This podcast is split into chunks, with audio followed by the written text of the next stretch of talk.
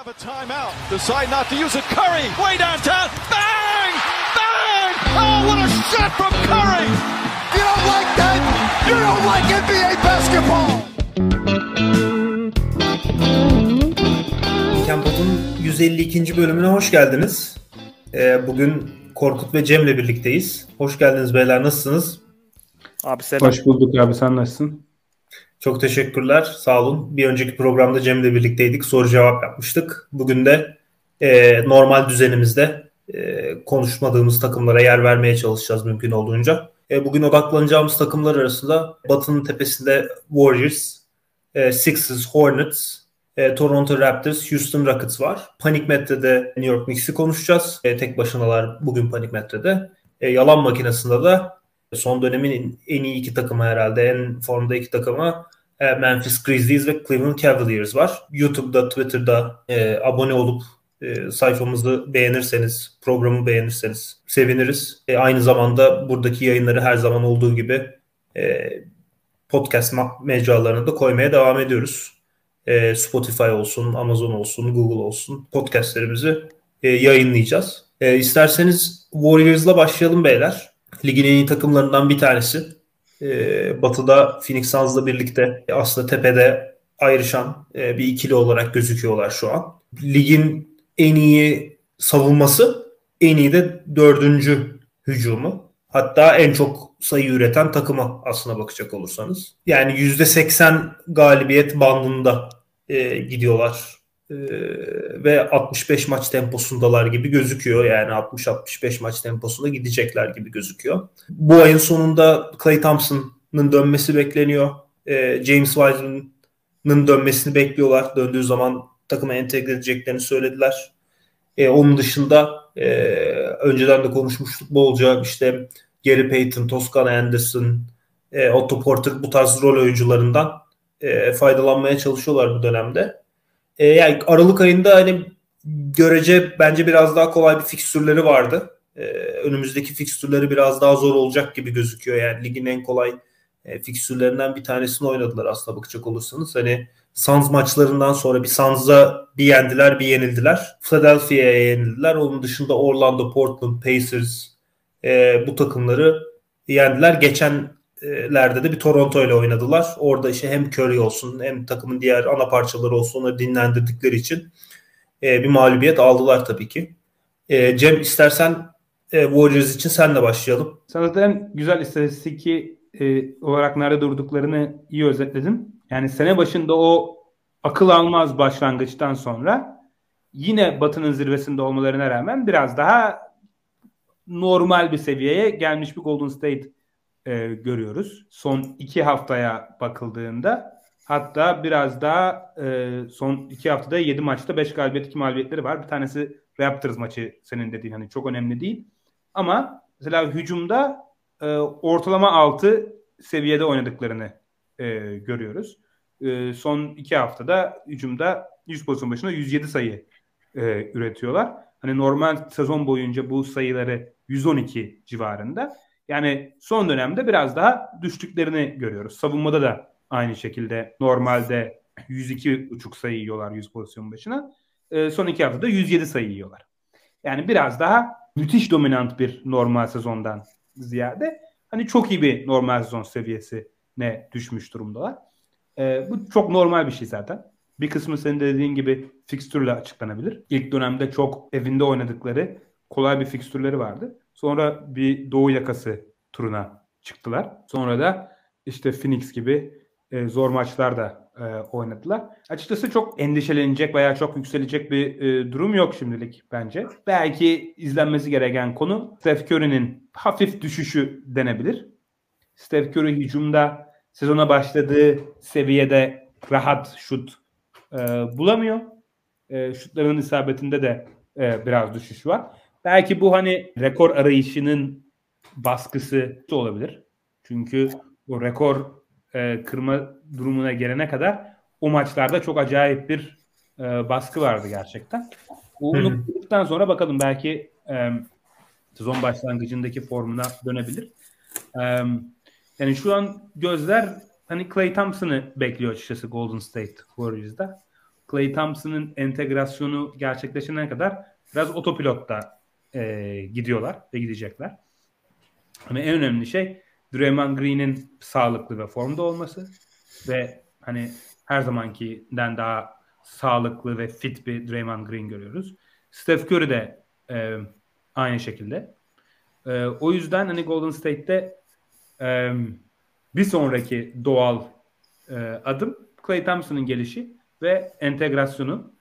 E, çok takas dedikodularında adları geçiyor ama açıkçası ben çok aktif olacaklarını e, düşünmüyorum. Hani Clay Thompson ve Wiseman'ın da dönüşünü beklerken bir de hani takas yapıp başka oyuncuların da entegrasyonuyla iyi giden bir sezona riske atacakları çok mantıklı gelmiyor bana. Ee, riskli bir hamle olur gibi. Ama bakalım yani Jonathan Kuminga e, oynadığı sürelerde oldukça iyi katkı veriyor. Ee, çok geniş bir kadroları var. Yani belki hani çok büyük çaplı bir takas değil de acaba daha böyle hani e, rol oyuncuları seviyesinde hani çünkü şu an 13-14 tane gerçekten çok iyi katkı veren oyuncuları var. Otto Porter'ından Bielitsa'sına, Gary Payton'ı e, Kuminga bile oynadığı zamanlarda e, iyi oynuyor. Hani acaba buradan 2-3 tanesini paketleyip oyuncu böyle konsolidasyon takası dedikleri bir takas yaparlar mı? Bir aklıma gelen o ihtimal o. Ama onun dışında ligin en iyi savunmalarından biri ve ortalama üstü iyi bir hücum paketiyle e, tepeye oynayacak Golden State e, sezon boyunca. Tekrar değerlendirmeyi Clay Thompson'ın dönüşüyle yeniden yapmak lazım diye düşünüyorum. Evet bence de katılıyorum abi senin söylediğin gibi. Ee, yani ben hani çok büyük bir takasa yanaşacaklarını açıkçası düşünmüyorum. Önceki takas programında da konuştuk. Bence hani bu dönemde bizim yani en son Golden State konuştuğumuz zaman da hatırlayarak aslında hani iki tane e, Phoenix maçı oynadılar.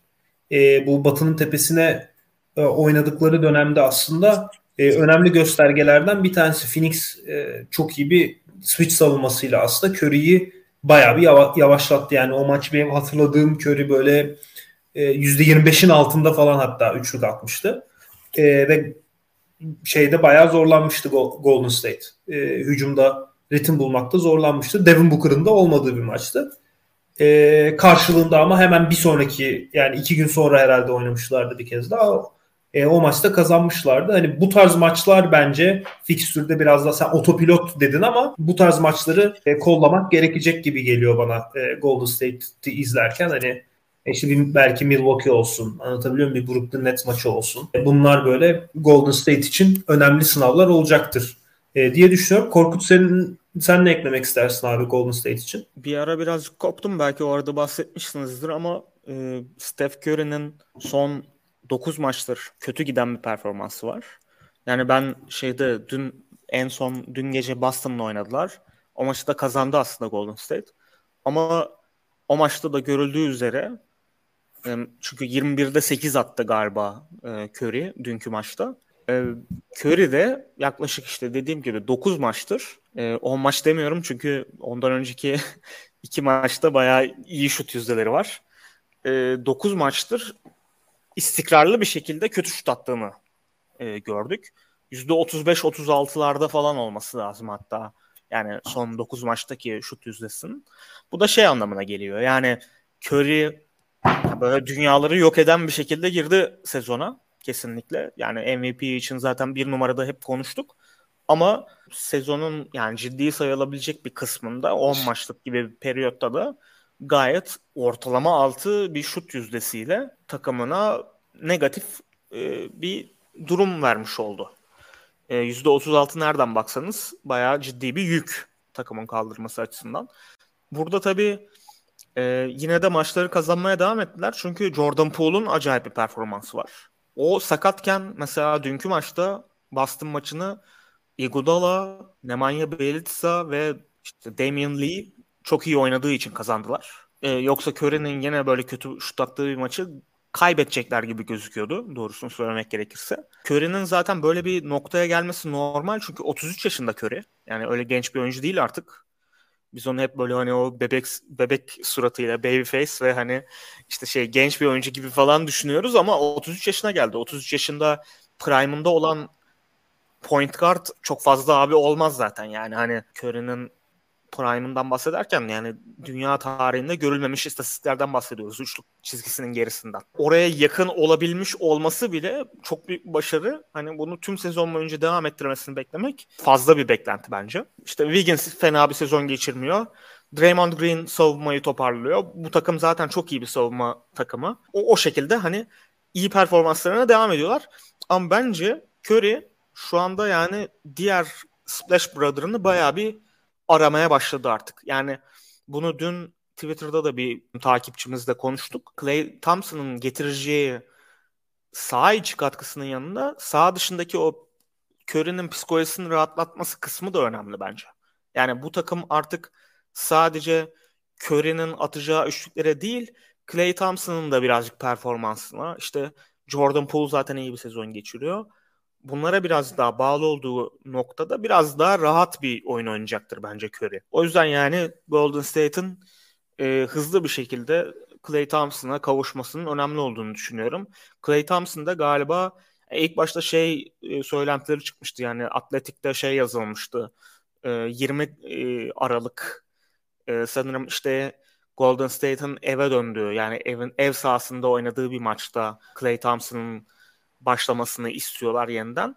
Ama son bu hafta yani çıkan bazı haberlerde Christmas'ta yani Noel'den sonra döneceğine dair Atletik'te yine bir haberler çıktı. Dolayısıyla yani orada şey olacak gibi gözüküyor. Yani Clay Thompson kesinlikle bir ev maçında dönecek. San Francisco'da dönmesini istiyorlar. Ve e, bunun olabileceği tarihler büyük ihtimalle e, yeni yıl dan sonra gibi gözükmeye başladı. E, bu esnada yani olabildiği kadar Golden State'in az zararla atlatması gerekiyor. Zaten şu andaki e, %80 üstü galibiyet yüzdeleri çok beklentinin üzerindeydi. Onun birazcık düşmesi bile çok bir sıkıntı değil. Nitekim e, zaten dünkü maçtı galiba. Curry, Iguodala, Wiggins işte herkesi dinlendirdi Steve Kerr mesela. Yani yenilgiyi göze aldı e, büyük ihtimalle hani bundan sonra da öyle bir senaryo görebiliriz. Yani Clay'in dönüşüyle bu takımı yeniden dediği gibi e, Cem mi söyledin ya da Emre yani yeniden bakmamız gerekiyor e, diye düşünüyorum. E, isterseniz o zaman e, Philadelphia ile devam edelim. E, onlar da son dönemde sıkıntılı bir dönem geçiriyorlar gerçekten. E, yani son 5 maçın hani bir galibiyetle çıktılar. Öyle bir serileri oldu. Heat, Grizzlies, Nets, Utah bunların hepsini yenildiler. Ee, daha demin de bahsetmiştik. Golden State'ten bir galibiyet aldılar. Ee, yani ortalama bir hücum takımı ve ortalamanın biraz altında bir savunma takımından bahsediyoruz aslında bakacak olursanız e, Philadelphia'da. E, tabii ki yani bir türlü hani yani şu, şöyle bir sıkıntısı var e, bence Philadelphia'nın hani ana sıkıntılarından bir tanesi e, rotasyonu ve rolleri belirlenmemiş e, bir takım olarak görüyorum ben. Aslında bu ortalama e, olmalarının ana sebeplerinden bir tanesi de bu. Burada tamam yani Embiid'in hem sağlık durumu hem performansının biraz geriye gitmiş olması bir konu olabilir ama genel olarak da takımın takımda şöyle bir hava var. Yani hani Covid'in de etkisinin arttığı bir sezon içerisinde yani fırsat bulan oyuncuların performans gösterme motive olduğu maçlarda e, normal düzenlerinden çok daha iyi e, maçlar çıkarabiliyorlar e, gibi hissediyorum. E, burada hani geçtiğimiz senelerde Brett Brown'u eleştirirdik yani e, 82 maçın sonunda hala e, rol ve sorumlulukları belli olmayan oyuncuları nasıl o, olduğunun hesabı verilmeli diye. Yani Duck Rivers'ın da o anlamda e, Brett Brown'u Hani tabii ki daha iyi bir alternatif ama e, çözüm bulabiliyor. çözüm bulabiliyor çünkü. Ama e, hala bu e, konunun netleşmiyor olması da e, Sixers için e, bence sıkıntılı. Ben e, burada en... bir, çok pardon devreye girip yani Brett Brown'a karşı Pick and Pod'un şu 3 kişilik ekibi bile daha iyi büyük ihtimalle ya. Neyse. Tabii. Şey, tabii, Brett Brown'u savunacak insanlar gelebilir e, yani bir anda oradan şey yapalım kaçalım ama bu Yok, benim yüzde yüz yüzde yüz inandığım bir açıklama yani öyle söyleyeyim. Evet. E, burada şeyden de yani bir parantez açmak istiyorum. Yani Embiid'in performansı e, daki düşüşe de bir bence parantez açmak lazım. Yani geçtiğimiz sezon zaten hani çok çok üst bir seviyedeydi. E, Joel Embiid'in hani çok ayrışarak MVP olduğu bir sezonda ligin büyük bir döneminde e, bu tartışmanın o da içerisindeydi ama e, hani maç başına 28 sayı ortalamadan 24 sayı ortalamaya düştü. Çok daha e, üretkenliği azaldı ve aslında verimi de azaldı. Yani e, gerçek şut yüzdelerine bakmadım ama hem serbest atışta hem e, sağ içi isabette yüzdeleri düştü. Yani geçen sezon %50'nin üstünde e, sağ içi isabet buluyordu. Şu an 44'lere kadar geriledi. E, %80'in üstünde faal atıyordu ki çok fazla e, çizgiye yani faal olan ve yani faal almak oyunun ana parçası olan bir oyuncu. E, bu sene o da %80'in altına neredeyse düştü. E, dolayısıyla Sixers o anlamda biraz zorlanıyor. Tabii ki Ben Simmons'ın olmadığı e, bir senaryoda da işte ortalama bir savunma takımı ile birlikte Doğu'nun ortasına e, oynuyorlar. Böyle %50 civarı gidip geliyorlar e, deyip Cem'e bırakayım sözü. Zaten Embiid'den bahsettin. Zaten aslında Philadelphia'nın performansını en iyi açıklayan konu Joel Embiid. E, ben Simmons varken de böyleydi. Joel Embiid ile başlayan, Joel Embiid ile biten bir takım bu. Geçtiğimiz sezon Joel Embiid inanılmaz bir şut performansıyla oynamıştı. Özellikle bunun altını Korkut çok çizmişti geçen seneki programlarda da. E, bu orta mesafe ve uzun orta mesafeden tarihi bir şut sezonu geçirmişti Joel Embiid. Yani tarihi derken yaşadığı sıçrama açısından e, tarihiydi. Mesela geçtiğimiz sezon uzun orta e, ikilik şutlarda e, %48 ile atıyordu Joel Embiid. Bu sene %41 ile atıyor. Kısa orta mesafe şutlardan %46 ile attı geçen sene. Bu sene %37'de. E, üçlük ve çemberden atışlardan çok bir fark olmamasına rağmen geçen seneye göre veriminde Joel Embiid'in çok çok ciddi bir düşüş var. %54.5'tan %48'e efektif şut yüzdesinde. Çünkü Joel Embiid orta mesafeden oynamayı çok seven bir oyuncu. Yani orta mesafeden çok şut kullanmayan bir oyuncu olsa hani oradan şutlarının girmemesi verimini çok etkilemez ama Embiid için bu öyle olmuyor. Embiid oralarda hücumda oralarda pozisyon almayı çok seven bir oyuncu. O da istikrarlı bir şekilde girmeyince geçen seneki ligin en iyi uzunu, ligin en MVP adaylarından biri seviyesinden daha çok All-Star seviyesine iniyorsunuz. Ee, öyle olunca da Ben Simmons'ın da olmadığı bir senaryoda e, Sixers daha or- ortalama daha vasat bir takıma e, dönüşmüş oluyor. E, burada hani biz yine eleştirmeyi sevdiğimiz oyunculardan Tobias Harris eleştirilebilir. %30'la üçlük atıyor ve maçların birçoğunda çok pasif kalıyor. Ama ondan ziyade bu takımın yani yıllardır süre gelen bir hani perimetrenin üretici sıkıntısı var.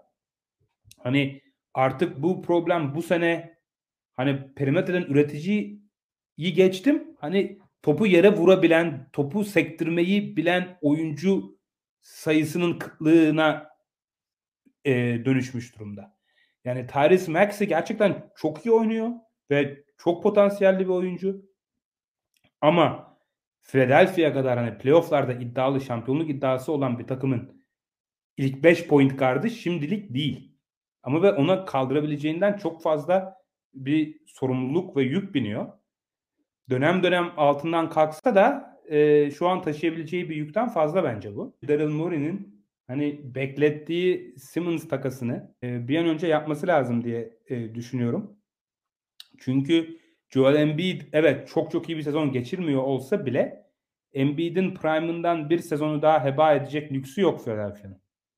Yani Embiid 28 yaşına girecek bir oyuncu. 27,5 yaşında. Ee, hani kaç birkaç tane daha böyle senesi olur bilemeyiz. Ben Simmons'ı kenarda oturdu. Ha, biz doğru takası bekliyoruz e, deme lüksü yok bence. E,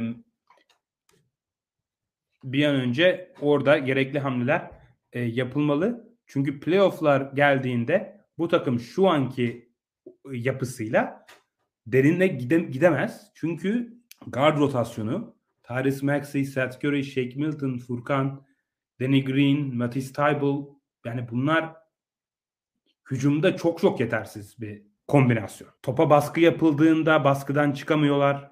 İyi iyi savunmacılarla karşılaştırdıklarında birebir de etkili olamıyorlar. Kendi şutlarını yaratmada Tyrese Maxey dışında çok yetersizler. Bir şekilde yani takas yapılmasa bile bu takım playoff'a girer ve hani Embiid de olduğu için tehlikeli bir takım olabilir belki ilk turda ama yani bu takımın çok daha yukarıları hedeflemesi e, gerekiyor diye düşünüyorum açıkçası. Evet bu anlamda Daryl Morey tabii ki kara kara yani kara kara düşünmüyordur ama düşünüyordur muhakkak ve e, elindeki hamleleri de e, zorlayacaktır diye düşünüyorum ben. Korkut senin ekleyeceklerin olacaktır muhakkak. Şimdi Cem'in en son cümlesi aklıma şeyi getirdi. Mesela sallıyorum. Yani üçümüze de soru gibi olsun. Philadelphia şu anda Cleveland'la eşleşti diyelim. Şu an sezon durdu ve playoff serisi oynuyorlar. Ee, kimi seçersiniz mesela? Yani her, herhalde Cleveland'ı seçerim ben. Bugünkü yani son 15 maçlık forma bakacak olursan. Cem sen? Ben de herhalde Cleveland'ı seçerim ya. Ben 4-0 Cleveland derim ya. Şaka değil yani bu. Yani çünkü yani Embiid tamam iyi falan geçtiğimiz yıllarda da hani sağlıklı olduğunda bize ne olduğunu gösterdi. Ama şu an mesela zaten %100 sağlıklı değil Embiid. Yani böyle bir şey var. Biraz sıkıntısı var. Anlayabiliyorsun onu maçları izlediğinde. Ee, ve onun dışında da hani işte Tybal, e, Danny Green, Tobias falan böyle hani e, kimden ne alacağını çok emin olamadığım bir durum var ortada. Tyrese Maxey fena oynamıyor. Hatta bence bayağı iyi oynuyor. Yani ben çok beğeniyorum Maxey'i. Ama işte yani seni playoff'ta seriyi kazandırabilecek bir e, kısa mı o, çok belli değil. İşte Curry bilmiyorum çok çok çok çok iyi bir sezon geçirmiyor şu ana kadar. Yani ben gerçekten hani bir takas yapmadıkları senaryoda Simmons için büyük sıkıntıda olduklarını düşünüyorum. E, ve yani Embiid'le ilgili öğrendiğimiz tek bir şey varsa şu ana kadar bu adam sık bir şekilde sakatlanıyor. Yani bu onun suçu olmayabilir bu arada. Ya da yani kendine çok iyi bakmaması ile ilgili falan suçlamıyorum onu. Yani adam sakatlanıyor abi. Yani çok ağır bir oyuncu. Yani kilolu bir oyuncu. Şey gibi de değil yani hani kendine iyi bakmadığı için kilolu olan bir oyuncu değil. Yani boyu çok uzun ve kilolu bir oyuncu sonuçta. Ee, ve yani böyle bir durumda bazı sakatlıkları daha sık bir şekilde yaşayabiliyor. Onlardan dönüşü de yavaş oluyor. O yüzden hani Embiid'le ne kadar daha hani böyle bir şampiyonluk temelli bir takım kurabilirsin o da bir soru işareti. Yani ne kadar takım olamadıklarının, ne kadar hani yine oyunun hiç akmadığının Sixers'ta. Yani oyun tamamen bölük bölçük mesela Sixers'ta.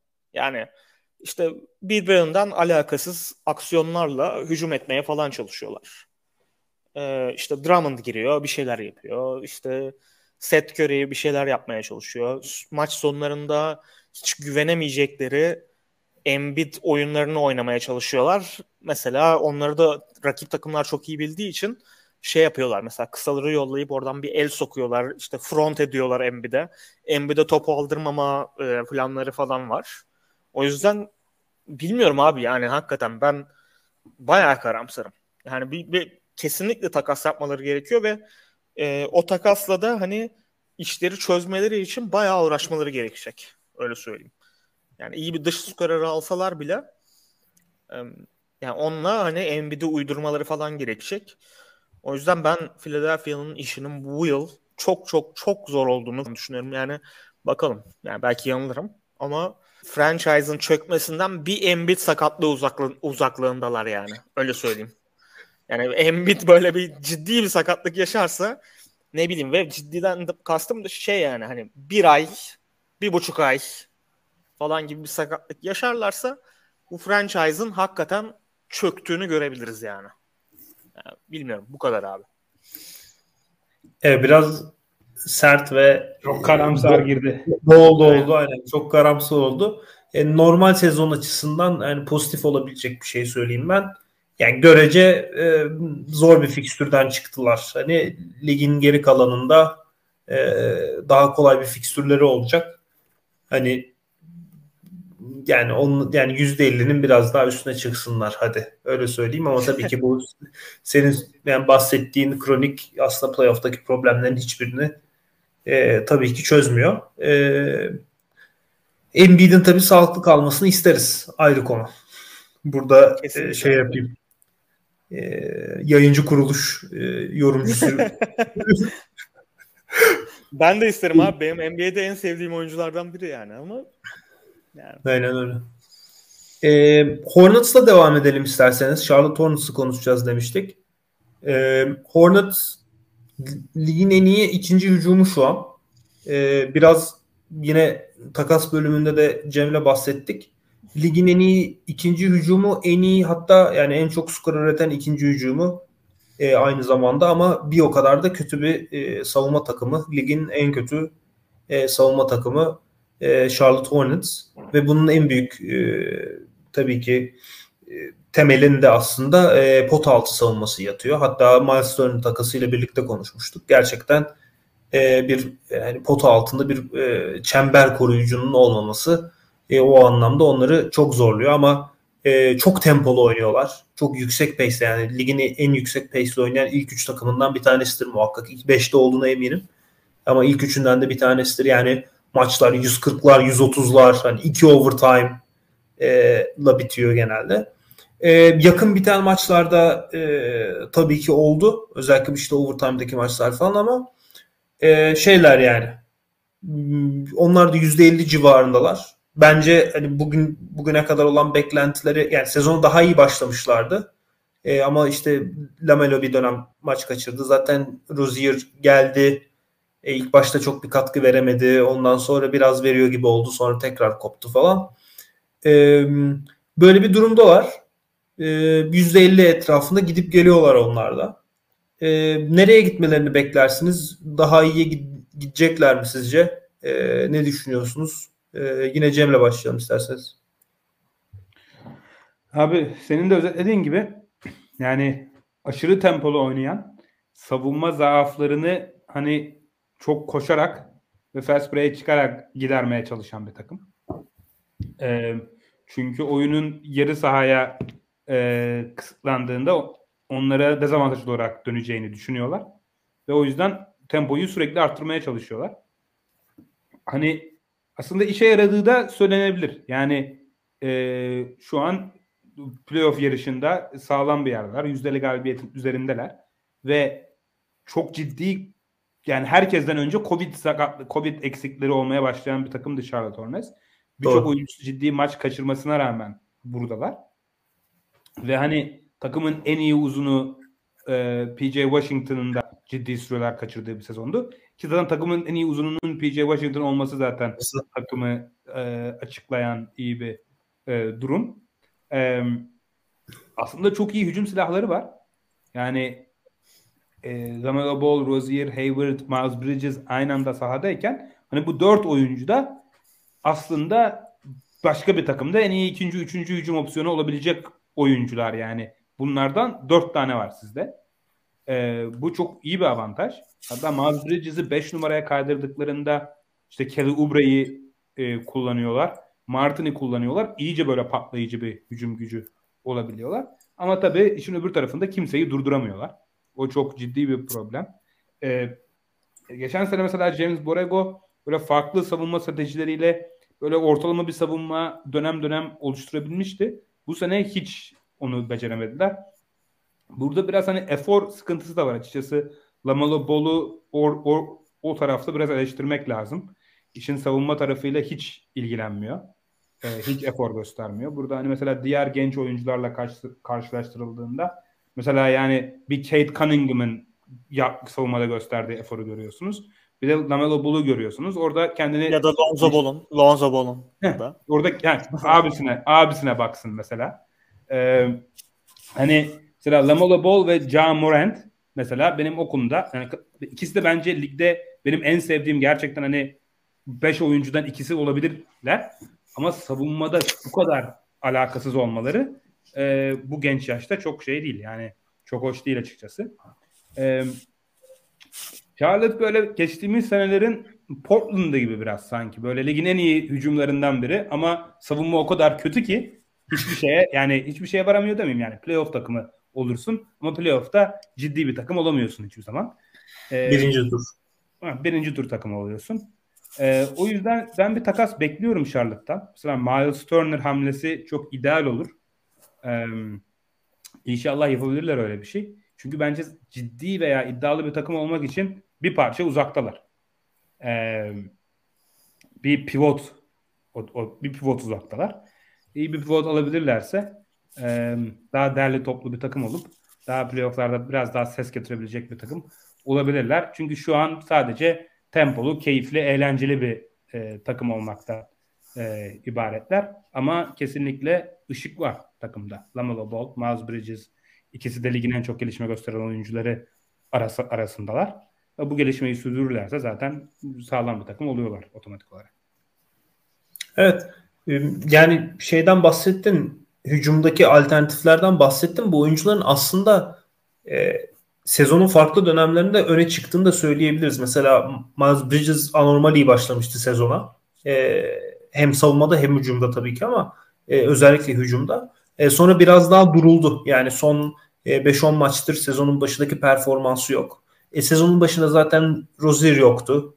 E, bizim hani bir iki parladığı maç oldu ama geçen senelerde alışık olduğumuz böyle ekstraordiner e, skeleteri performansları çok yok. E, Kelly Oubre Jr. özellikle bu Bridges'le birlikte sezonun başında anormal maçlar oynamıştı mesela. Yani e, geçen sezonki Kelly Oubre Jr. nerede? E, bu sezonki Kelly Jr. nerede? E, diyebileceğin e, seviyede bir hücum performansı vardı. E, yani bu, bu şekilde e, bir yere kadar götürdüler. Normal sezonda da bugünün doğusunda e, aslında bence hani olması gereken yerdeler. E, ama senin de söylediğin gibi e, bu playoff'ta e, bu düzen onları pek bir yere götürmeyecek maalesef. Hani bir takasla e, bunu çözmeye çalışabilirler bence de ama e, tabii o takasta hangi parçaları kullanacakları da e, bir o kadar önemli. Yani biraz daha konuşmuştuk yine işte PJ Washington büyük ihtimalle bu şeyin içerisinde dahil olur e, bu durumun içerisine dahil olur. Belki o skora opsiyonlarından bir tanesini kontratları da gözeterek e, kullanmak durumunda kalabilirler. E, Kaan senin eklemek istediğin bir şey olur mu abi? Yok abi ya siz zaten güzel şey yaptınız özetlediniz. Kelly Oubre beni şaşırttı. Yani senin son söylediğine şey yapıyorum. E, maç başına galiba üçlük isabet e, sayısı 3 küsur olması lazım Kelly. Ki NBA'de yani en yüksek yani ilk onda falandı galiba. Ben onu gördüğümde bayağı şaşırmıştım. Yani Kelly Oubre'den hiç öyle bir şey beklemiyordum. E, bu takıma iyi katkı veriyor. E, dediğiniz gibi abi takasta yaptıklarından sonra zaten bir daha konuşuruz yani takıma. Burada aslında şey dedik hani Charlotte şu an e, hani play'inin üstünde bir takım gibi gözüküyor ama e, Doğu'nun o bölgesi de e, yani %50'nin böyle artı 1 artı 2 eksi bir, eksi iki e, range'i diyelim. E, bayağı bir sıkışık aslına bakacak olursanız. Hani e, New York belki biraz geride kalıyor ama işte Atlanta ile birlikte e, Charlotte'a kadar arada Washington, Boston, Philadelphia, Toronto, Atlanta var. Bir, iyi bir playoff takımı gibi konuşuyoruz. Ama tabii toparlayan bir Atlanta e, veya işte bir Philadelphia, Boston'ı düşündüğümüz zaman Charlotte'da e, aşağı düşme riski e, var. E, burada bahsettiğimiz takımlardan bir diğerine geçelim isterseniz. Toronto'yu konuşacağız demiştik. Toronto'da bugün işte yani neredeyse ligin yüzde yani 1 bölü 3'ü bitti. Yüzde 35'ine geldik diyelim. Yüzde 40'ına geliyoruz. E, yüzde 50 civarında giden ikinci bir takım. E, Siakam'ın da dönmesiyle aslında hücumda biraz daha e, hem savunmada hem hücumda biraz daha toparlandılar ama e, yani ortalama bir hücum takımı ve e, ortalama bir savunma takımı e, gibi e, düşünebiliriz.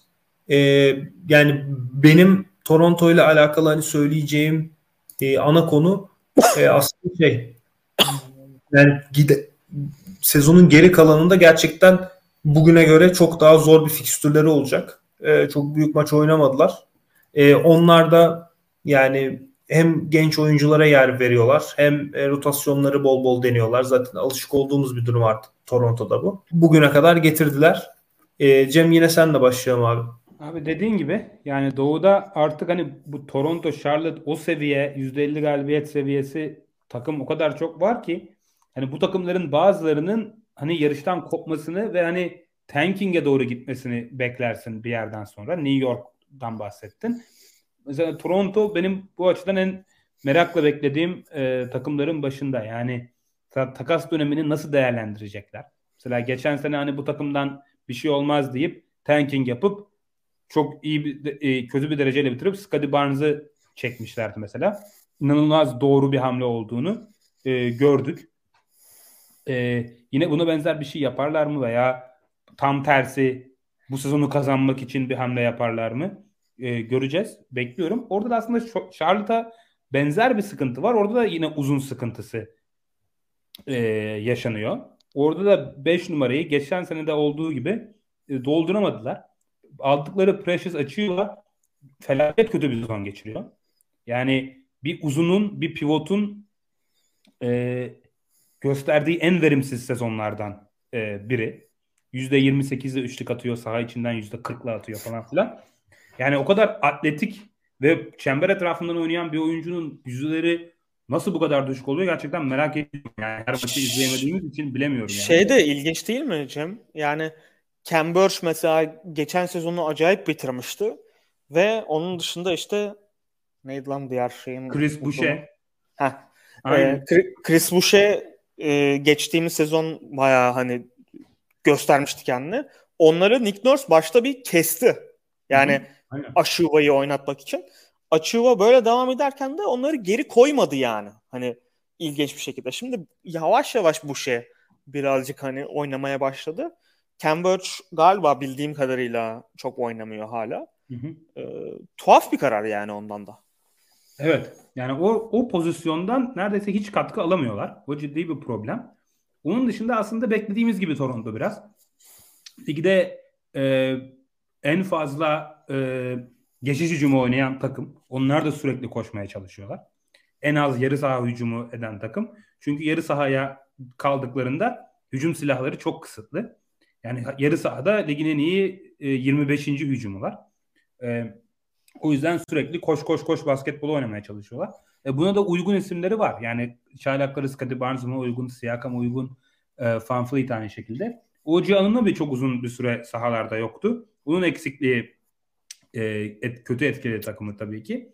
E, Toronto'nun problemi yani iyi bir savunmalar ama yeteri kadar sayı üretemedikleri için hiçbir zaman yani zayıf takımlara karşı bile koyup geçemiyorlar. E, her maçları böyle rekabetçi ve yakın geçiyor. E, hani iyi takımlara karşı da sahada kalabiliyorlar. Ama hani Toronto bir maçı böyle rahat alır falan diyemiyorsun. Çünkü hücum silahları çok kısıtlı. Ha, buna rağmen Fred Van Fleet All-Star seviyesine yakın bir sezon geçiriyor. Yani müthiş oynuyor gerçekten ve yani e, hem savunmada hem hücumda yani çift yönlü gardlar arasında yani ligin en iyilerinden biri olarak bence bahsedilmeye değer. Geri Trent'te bence oldukça iyi bir e, gelişme var. Özellikle savunma tarafında. E, Scottie Barnes yani şu ana kadar ligin en iyi ikinci çaylağı gibi oynuyor. Benim beklentilerimin oldukça üstünde.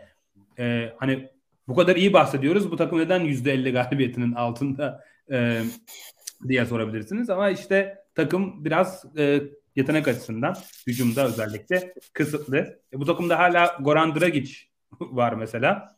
E, büyük ihtimalle onun da içinde olunduğu yani belki bayağı da derler bilmiyorum. Bir hamle veya hamleler gelecektir ama hani dediğim gibi bu takım bu sene kısa vadede geri adım mı atacak yoksa ileri doğru mu gitmeye çalışacak? Masai yani genel menajer Masai Ujiri hangi tarafı seçecek? Onu e, dört gözle bekliyorum. Çünkü maalesef şu anki oldukları şekilde yani böyle iki arada bir arada kalmış bir takım. Yani playofflarda gerçekten ses getiremezler.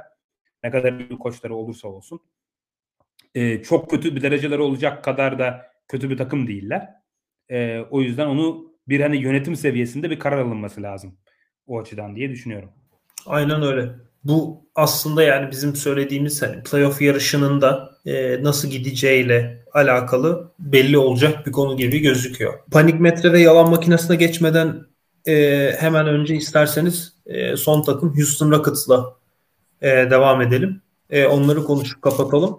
E, onlar da aslında e, Toronto gibi e, batıda e, kendi özel e, case'lerini yaratan e, bir takım e, diye düşünüyorum ben. Yani e, sezonun başında çok dağınık e, ve ne yaptığı hiç belli olmayan aslında beklentilerle paralel diyelim e, çok fazla genç oyuncunun e, süre aldığı ve e, çok daha hani e, Greenfield diyelim yani çok daha böyle özgürlükçü bir e, oyun anlayışı e, besleyen bir takımdı. E, son dönemde biraz daha maç kazanmaya e, niyetlenmiş gibi gözüküyorlar. Maç kazanmak için de özel efor sarf ediyorlar. Yani işte Eric Gordon'ın ilk 5 başlaması bile aslında e, bu takımda e, bunun için bir gösterge.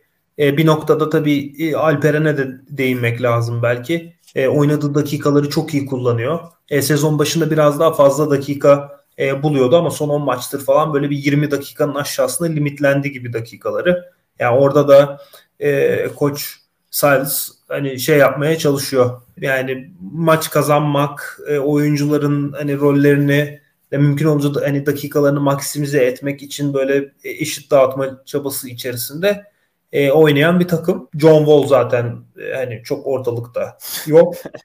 Yani görece böyle kolay bir fikstürleri vardı. E, biraz daha zorlaşacak önümüzdeki dönemde. E, çok uzun süredir konuşmak. Yani bu en son işte Detroit Houston maçı e, saati de iyiydi. E, ben bayağı bir vakit harcadım yani o maçta. Hani izlerken böyle NBA basketbolu yani şimdi NBA'de her zaman böyle her konferansta 2-3 takım olur yani. E, Houston'da biraz asılırlar e, burayı dolduruyor. Böyle izlemekten e, gerçekten imtina ettiğin takımlardan e, bir tanesi halinde. Korkut istersen bu sefer sen de başlayalım abi. Yani senin söylediklerine çok bir katkı yapamayacağım. Hani izlemekten imtina ettiğin takımlar e, vardır dedim. Yani Alperen için izliyorum ben yani Houston'ı ama onun dışında hiçbir şey için izlemiyorum. Şey Kenyon Martin Jr. da eğlenceli bir oyuncu. izlemesi keyifli bir oyuncu. Ama bu ikili dışında hani hakikaten o takıma dair çok izleyecek bir şey yok.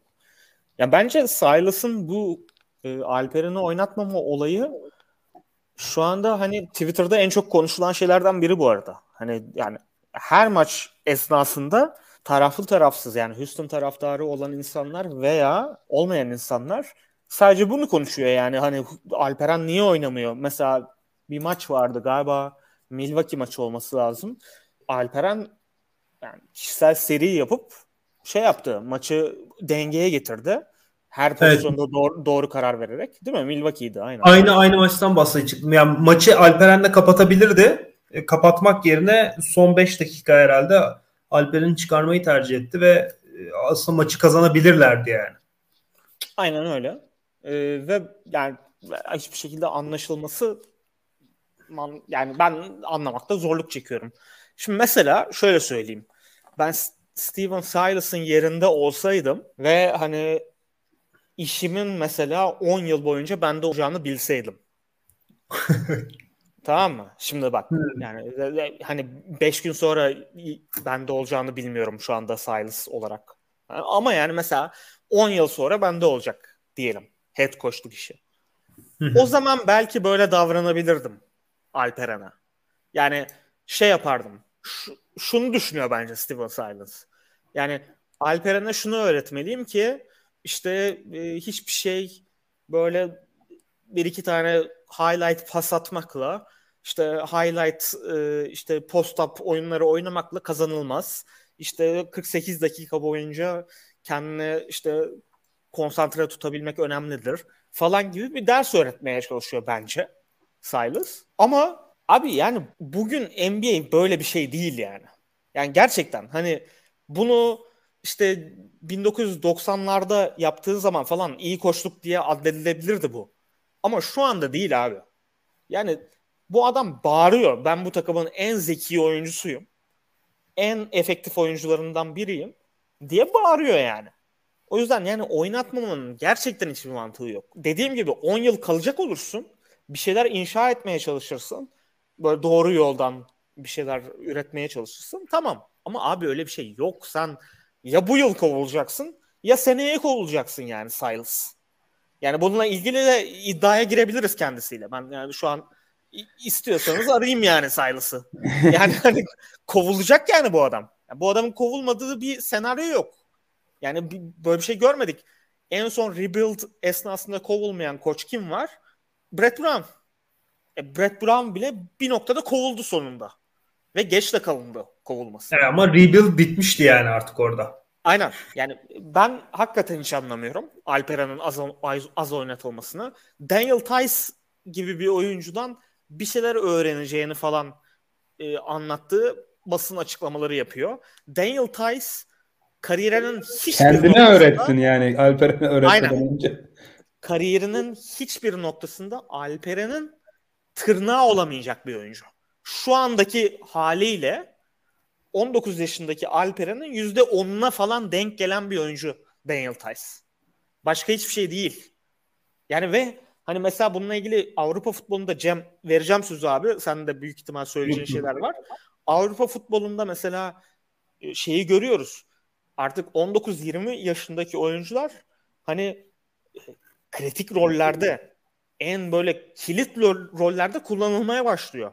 Yani bunlar artık genç oyuncu hata yapar öğrenir falan diye böyle bir kenara atabileceğiniz oyuncular değil abi. Sen Alperen gibi bir oyuncun varsa oynatacaksın. Ya bu yani, coaching 101 bu arada bu yani. Yani bu NBA'de coaching 101. Euroleague'de olsa tartışırım başka bir şey. Ama yani bunu yapıyorsan sen her şeyi göze alıyorsun. Cem buyur abi. Ben abi, bu kadar dolu olduğunu bilmiyordum bu arada. Cem'e sözü verelim tabii ki ama hem Alperen'i çok seviyormuş hem de Koç Silas'a duymuyor beni. Koç Silas'a hem de bayağı bir şarjlanmış e, Korkut. E, rahatladıysam verelim. Ya abi bilmiyorum benim Houston'dan o anlamda bir düzen beklentim olmadığı için bence Silas da orada biraz hani kayıp gibi gözüküyor. E, bunun da Alperen'e faydasının olmadığı bir gerçek tabii ama e, sana vereyim Cem sözü. Başka konular da var bence konuşulması gereken Houston'da. Tabii. Ya şöyle Alperen konusunda şöyle bir şeytanın avukatlığını yapayım ya da Silas'ın avukatlığını yapayım. ee, yani bu takım çok kötü ve iddiasız bir takım için çok derin bir takım. Yani çok evet fazla, abi. Çok fazla oyuncu var ve çok fazla oynamayı bekleyen böyle veteran oyuncu var. Aslında bunu çok görmezsiniz Houston tarzı tanking yapan takımlarda. Yani bu takımda hani şimdi Daniel House'u gönderdiler ama işte Eric evet. Gordon, Daniel House, Daniel Tice, Christian Wood bir sürü adam var. DJ Augustin var atıyorum. Yani e, ve bu adamlar hepsi oynamak istiyor. Çünkü hepsi bir de takas olmak istiyor. Takas değerini arttırmak istiyor. Şimdi bu tepeden Houston yönetiminden de gelmiş bir şey de olabilir. Yani bu adamları parlat biz bunları takas edeceğiz. Çünkü bana evet. hani Alperen varken hakikaten Daniel Tyson arkasında oynamasına benim de hiçbir mantık mantığı oturtamadığım için acaba böyle bir şey mi var? Hayır. Yani, bir de Cem çok pardon abi. Daniel Tice kim abi? ya Daniel Tice ya bak izlememiş olsak, bilmiyor olsak Daniel Tice'ı işte Avrupa'da uzun, e, işte şey veteran oyuncu, zekidir falan filan dersin. Abi Daniel Tice kısa bir uzun ya. Şut atamayan kısa bir uzun. Yani hani neden bahsediyorsun yani? Pardon böldüm. Senin altını biraz daha doldurayım. Yani Alperen, Alperen şu an 18 dakika falan oynuyor maç başına. İnanılmaz bir şey. İnanılmaz. Ve Alperen oynadığı dakikalarda Houston Rockets ortalama bir takım seviyesinde. e, net rating olarak eksi 0.7'de. Ve bu Alperensiz dakikalara göre 8.3 puan daha iyi 100 pozisyon başına. Alperen sahadayken Houston'ın hücumu 100 pozisyon başına 113 atıyor demek. Bu da ligin en iyi hücumlarından biri anlamına geliyor. Yani Alperen'in takıma oynadığı kısıtlı türde böyle bir katkısı var. Ve hani sizin çok bariz bir şekilde hani en potansiyelli 2-3 oyuncunuzdan biri. Hani böyle bir sezonda bu oyuncuyu daha fazla oynatmamak gerçekten garip. Ee, ama bence sezon ilerledikçe oynayacaktır. Çünkü mesela Daniel House'dan kurtulmuşlar şimdi. Büyük ihtimalle Eric Gordon'la Daniel Tice hatta Christian Wood da takas olabilir belki. Alperen önü açılacaktır biraz daha. Ama yani onun dışında aslında ben Houston'ı e, beğeniyorum derken yani Steven Silas'ın yapmaya çalıştıklarını şöyle beğeniyorum. Şut profiline bakıldığında Houston Rockets ligin en iyi takımı. E, bu Cleaning the Glass'ın lokasyon field goal yüzdesi oluyor. hani şut profiline bakıyorlar takımın. Oradan kullandıkları şutlardan lig ortalamasında atsalar en iyi hücum, en yüksek yüzde kimde olur diye bakıyorlar. Burada Houston birinci sırada. Çünkü Houston ligde açık ara en çok çemberden şut atan takım. Ee, şutlarının yüzde 41'i çemberden geliyor. İkinci takım yüzde 37. Ciddi bir fark var. E, ligde açık ara en az orta mesafe atan takım. E, hiç kullanmıyorlar. Yani yüzde on şutlarının yüzde 17'si e, ikilik çemberden olmayan ikilikten geliyor. Bu da açık ara e, ligin en düşük rakamı. Ve ligin en fazla üçlük ta- deneyen takımlarından biriler. Yani bu Moribol şeyini devam ettirmişler. E, sadece üçlük ve çemberden kullanıyorlar ama tabii kullanan oyuncular kötü olduğu için bu lig, hala ligin en kötü hücumlarından biri olarak e, yer alıyor. Hani ortalama 6 üçlük sokuyorlar. Ortalama 6 çemberden bitiriyorlar. Bu yüzden kötü bir hücumlar ama son iki haftaya bakıldığında aslında yakaladıkları seriyle beraber ligin iyi hücumları seviyesinde oynuyorlar. Ne kadar sürdürülebilir bilmiyorum.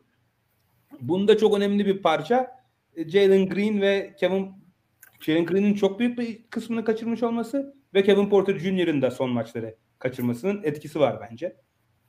Ee, e, Garrison Matthews mesela anormal top oynuyor abi. Evet. Aynen. Yani Garrison Matthews zaten bunu, biz bunun tweetini atmıştık ilk imzaladığında. Nasıl Houston Rockets'a kaldı anlamak mümkün değil yani. Çok faydalı bir oyuncu. Garrison Matthews şey e, Boston'da Boston'daydı yani. Boston Hı-hı. bıraktı. Yani evet. Boston'dan bahsettik o kadar. Hani hücumlarıyla ilgili sıkıntılardan falan. Gayet evet. kullanabilecekleri bir oyuncuydu. İşte ve Jalen Green ve Kevin Porter Jr. ne kadar potansiyelli olurlarsa olsunlar özellikle Jalen Green bence. E, şu an galibiyete katkı verecek seviyede oyuncular değiller. Yarardan çok zarar veriyorlar takımlarına. E, onların rotasyondan çıkmış olması sakatlık sebebiyle Houston'ın serisinin bu döneme denk gelmiş olması bir tesadüf değil.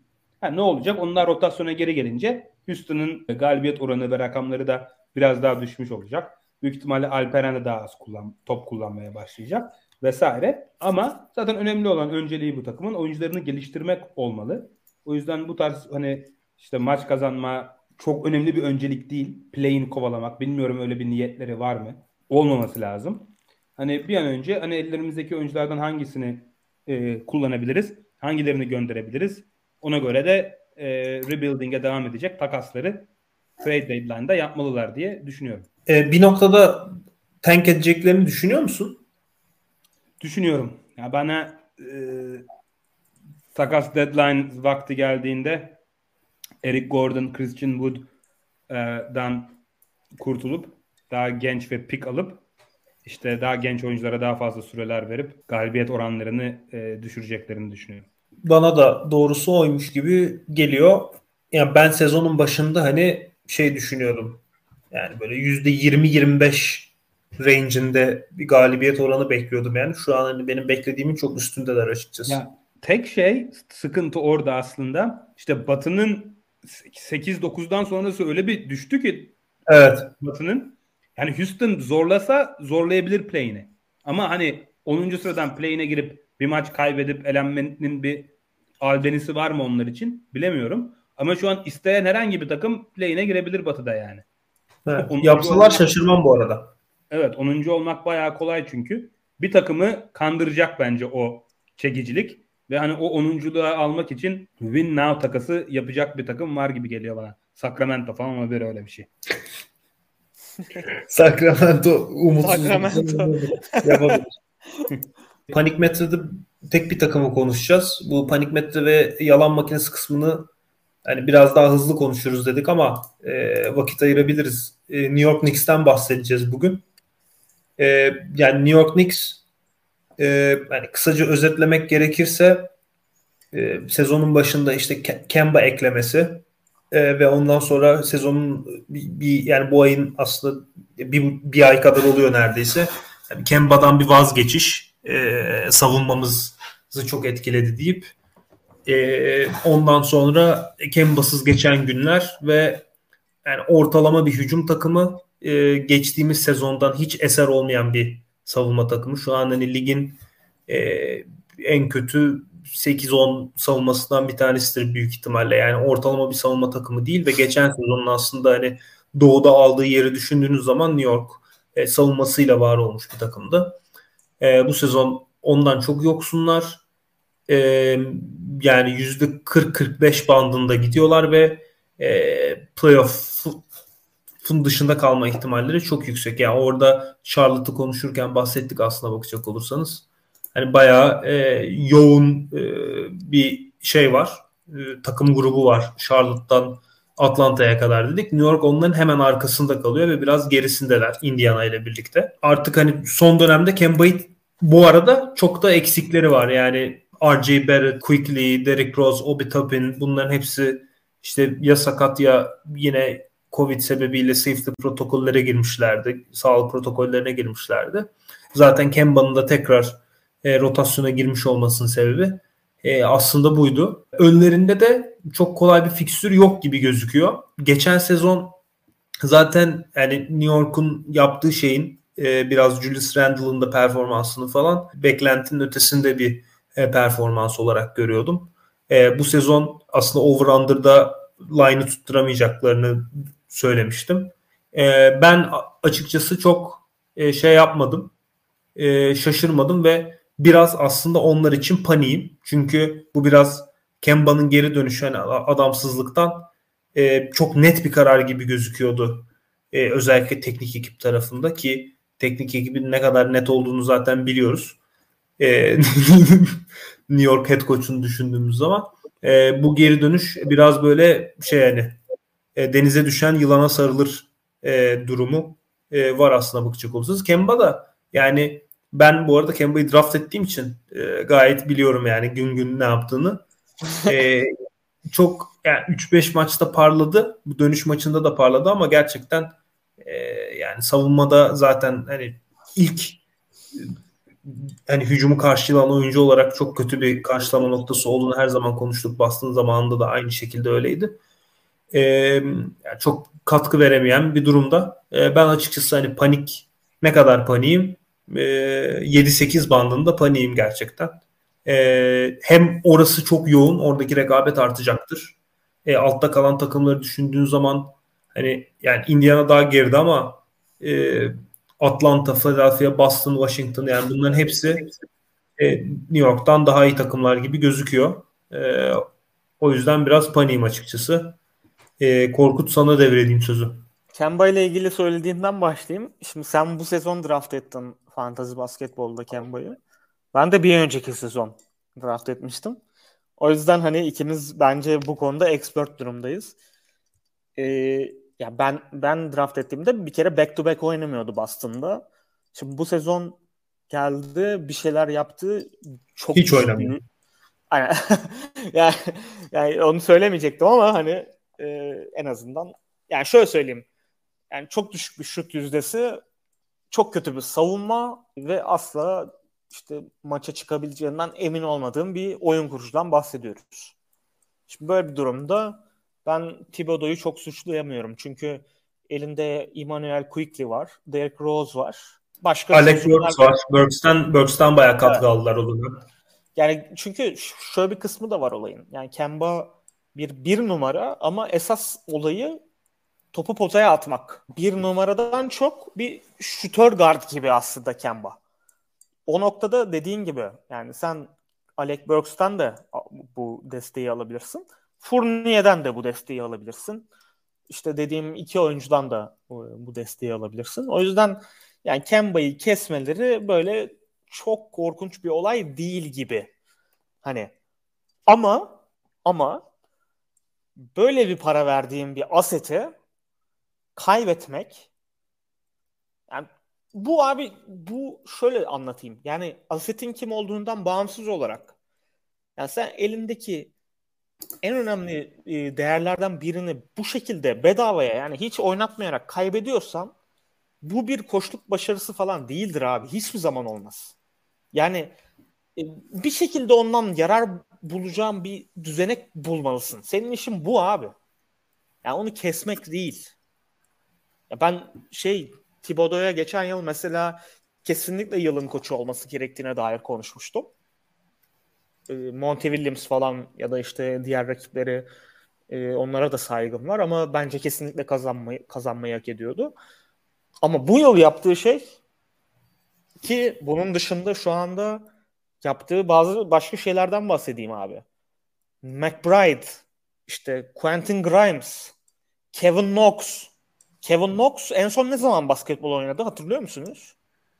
2000, 2018 falan demek istiyorum yani ben hatırlamıyorum Kevin Knox'un ne zaman basketbol oynadığını. Yani bir anda sahada bir gördüm adamı ve o maçta 40 dakika oynadı. 2-3 maç önce falandı işte hatırlamıyorum kimle oynuyorlardı. İzledim maçı da. Kevin Knox 40 dakika oynadı. McBride dediğin adam maçtan sonra çıkıyor açıklama yapıyor. Miles McBride sanırım ismi. Şey diyor işte son çeyrekte 12 e, dakika oynamayı ben beklemiyordum diyor. İşte e, onun dışında kim var başka? Dediğim gibi Quentin Grimes 40 dakika oynuyor. E, sonra şimdi Covid protokollerine girdi sanırım. İşte Nerlens Noel'i şey yapıyor, ilk beşe alıyor. Mitchell Robinson'ı çıkartıyor. Mitchell Robinson'ın kötü oynadığını ve performansının kötü olduğunu gördük yani. Hani orada çok belki hani yine yapılabilecek bir hamle. Ama mesela işte sezonun başında 30-40 dakika oynattığı Taj Gibson'ı ki neden Taj Gibson 30-40 dakika oynuyordu o, o, o da bir soru işareti. Tamamen e, rotasyon dışına çıkartıp neredeyse Noel'i ilk başı alıyor. Evan Fournier'i bir ara hiç oynatmıyordu. Sonra yeniden işte kadroya aldı. Ya abi ne yapıyorsun? Yani hani bu bu şey abi tüm tuşları aynı anda basarak bölüm geçmeye çalışmak. Yani başka hiçbir şey değil. Yani bu kadar belirsizliğin olduğu bir ortamda e, bilmiyorum. Yani Julius Randle da iyi bir sezon geçirmiyor şu ana kadar. Geçtiğimiz sezon e, yaptıklarını biliyoruz. İşte onun birazcık kredisini mi yemek istedi artık bilmiyorum. Ama kesinlikle geçtiğimiz sezondaki oyuncu değil. E bir yanda New York işte play'in bile dışında kalan böyle tuhaf bir takıma dönüştü. Evan Fournier işte sezonun çok çok çok büyük bir kısmında yüzde otuzlarda falan şut atıp işte gayet kötü bir performans sergiledi. Şimdi yeniden işte dün galiba bir 30, 29 sayı falan attı. Ee, puan yani ver puan. Ya çorba gibi bir takım çorba gibi bir takım herhangi bir şekilde playoff'ta 8. sıradan girse hani 4-0 böyle şeyin Detroit'in Milwaukee'ye bir elenişi vardır. 2 yıl önceydi galiba. Bu Blake Griffin'in sakat Tek olduğu. bacakla oynadı. Aynen. hani her maç 20 sayı fark yedikleri falan. Yani öyle bir şekilde playoff'a girerlerse girsinler. Girsinler. Ama hakikaten yani feci bir görüntü. Thibodeau'da yani geçen yıl yılın koçu seçtim adamı. Hakikaten bu yılda yılın en kötü koçu falan performansını e, gösteriyor. Yorumlarım bu kadar abi. Özür dilerim uzattım biraz. Korkut'un panik metreye 10 New York'a 10 verdiğini varsayabiliriz o zaman. Aynen yaktı ortalığı. Bu arada bir şey söyleyeceğim. Ee, bunu söylemeyi unuttum. Şimdi bu ay sadece Houston ve Spurs'ı yendiler abi. Yani ki Houston'dan bahsettik ve fikstürleri zorlaşacak dedik. Ben şeye de baktım. Yani defansif e, ratinglerine baktım. Kemba'lı ve Kemba'sız dönem olarak. Kemba'sız dönemde daha kötüler. Daha kötüler evet. yani hani gerçekten mi?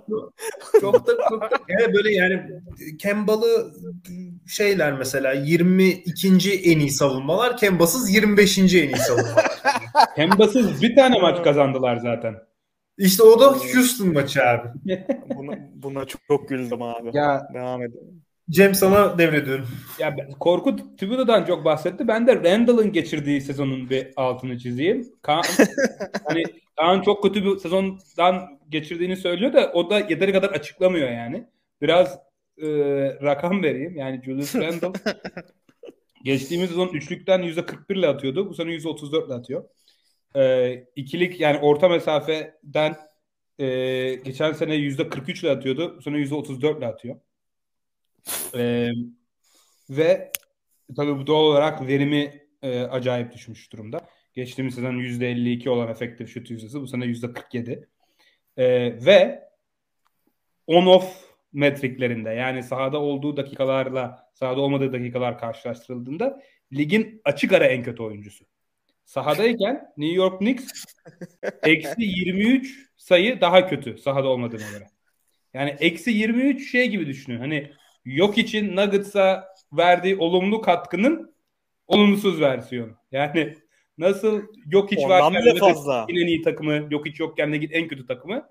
Randall'da da tam tersi e, bir durum geçerli. New York Lig'in en iyi takımı değil ama Randall'sız. Değil ama Randall'la açık ara en kötü takımı e, olmuş oluyor. Bu şey gibi bir istatistik abi. Jeff Teague'in e, şeydeki Milwaukee playofflarındaki performansı gibi bir şey abi. Yani hani istatistik olarak. Yani şöyle acayip yani sah- sahada değilken e, artı 16 e, New York Knicks yani baya baya iyi bir takımlar. e, Randall sahadayken e, eksi yediler. E, tabii bunun tamamı Randall'a yazamaz ama e, çok acayip çok acayip bir istatistik. Yani Randall'ın da Emre bahsetmişti geçtiğimiz sezon yaşadığı performans tek senelik bir e, çıkış mıydı diye e, akıllara getirmiyor değil. Bu tarz oyuncularda biraz dikkatli olmak lazım. Çünkü Randall'ın çıkışı tamamen jump shot'ına dayalı bir çıkıştı geçen sene. E, acayip o, uzun orta mesafe ve üçlüğünün girmesiyle acayip el üstü step back üçlük falan sokuyordu. E, yoksa oyuncu profili çok farklı değildi geçen sene. Ama işte bu sene o şutlar girmemeye başlayınca eski haline dönmüş oldu e, Julius Randle. Çok faydalı bir oyuncu değil şu an. Bakalım yani daha hala erken. Geçtiğimiz sezondaki performansını yakalayabilir mi göreceğiz. Ama yakalayamazsa hani çok öyle çok kayda değer bir oyuncu olmamış oluyor Julius Randle. Bu da New York Knicks'in e, tavanını doğal olarak indiriyor. Ben de Emre gibi ben de 8 vereceğim New York Knicks'e. Çünkü playoff yarışı çok e, sert olduğu için, çok takım olduğu için playoff yarışının dışında kalmaları yüksek ihtimal gibi gözüküyor. Peki. O zaman Knicks için e, paniyiz bizde. Hepimiz e, paniyiz diyelim. Şimdi yalan makinesine geçelim. Grizzlies ve Cavaliers konuşacağız dedik. İkisi de beklentiyi anormal aşan e, takımlar. Grizzlies'le başlayalım abi. Baya bir eksikleri de oldu. Yani işte Brandon Clark bir dönem yok. Ja maç kaçırıyor falan filan ama e, bir şekil e, maç kazanmasını biliyorlar. Şu an böyle %60-65 temposundalar. E, şey yani galibiyet oranı temposundalar. Ligin en iyi 5 hücumundan bir tanesiler. E, ortalamanın biraz altında bir savunmalar ama e, eforlarıyla ve tempolarıyla e, eksik meksik dinlemeden maç kazanmasını e, beceriyorlar. Yani e, hani belki bir iki maç e, daha az kazanabilirlerdi. Yakın maçlar e, şey yaptılar. Kazandıkları oldu. Bir de yani bugünkü hani şeylerine bakarsak, ofensif ve defensif ratinglerine bakarsak hani beklenenden bir iki buçuk maç daha fazla kazanmış gibi gözüküyorlar. Yalanlar mı? Bana göre yalan değiller. Ligin en keyif veren basketbollarından bir tanesini e, oynuyorlar hatta. Bana soracak olursanız. Geçen seneden kalan ve onun üstüne konulmuş bir e, Grizzlies performansı var. Yani tabii ki 19-11 hani ayarında böyle %63 değiller bence yani konferans ilk dördünde değiller e, biraz daha normalize olacaklardır. Ama bence e, hani sezonun başında düşündüğümüz e, çok ayrışan performansın biraz daha bu işin standardı olduğunu gösteren bir tempodular gibi geliyor bana. E, ben e, yalan değiller diyorum. E, bu şekilde yani biraz daha normalize olarak hani belki galibiyet oranında 50 55-60 bandına gelecek şekilde e, sezonu bitirebilirler gibi geliyor bana yüzde 55-60 diyorsun. Yanlış anlaşılmasın. Yani tabii tabii 55 galibiyetten bahsetmiyorum. Evet yani yanlış anlaşılır yoksa. Ya açıkçası yani Memphis'in toparlanması da Jamorant'in sakatlanmasıyla paralel gitmesi çok tesadüf değil. Özellikle işin savunma tarafında çok toparladılar. Jamorant'in savunma eforsuzluğundan Lamelo Ball'dan bahsederken de bahsetmiştim. Yalan makinesine sokarsak yani e, tam yalan da değiller, yalan değiller de diyemeyeceğim. Bir 5 vereyim. Yani 19-11 ve hani Batı'nın tepesinde oynamak bayağı yüksek bir e, yüksek bir yerdeler. Bunun ya o değiller. Bilmiyorum. 7. falan bitireceklerini düşünüyorum. 7-8 bandında. Ee, hani çünkü bu da normal sezonun sezonun başlangıcına göre düşündüğümüz yerden yine yüksek. Yani sezon başında 9. falan görülüyordu Memphis Batı'da. Ben o yüzden yine hani 7. 7. falan olacaklarını düşünüyorum. Hani o yüzden şu anki seviyeden biraz düşük. Sene başındaki beklentilerden biraz yüksek. Belki takas yaparlar. Çok çünkü iyi parçaları var. Belki bir konsolidasyon takası gelir. Göreceğiz. Ama hani yalan olsalar da olmasalar da bence ümitli olacak olmak için çok sebep var.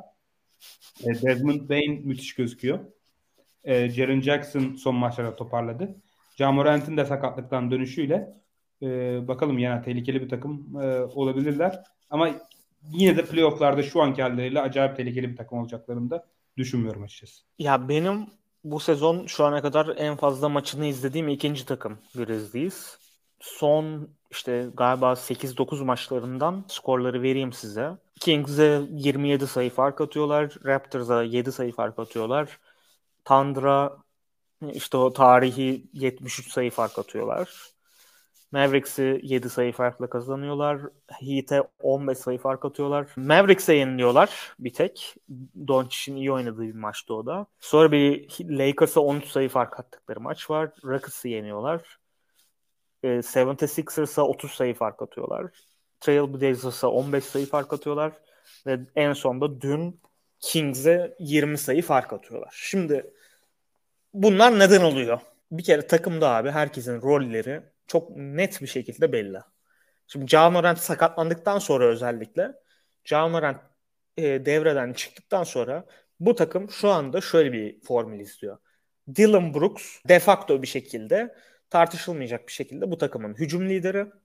istediği gibi şut kullanabiliyor. Kimse onu sorgulamıyor ve şöyle bir döneme denk geldi olay.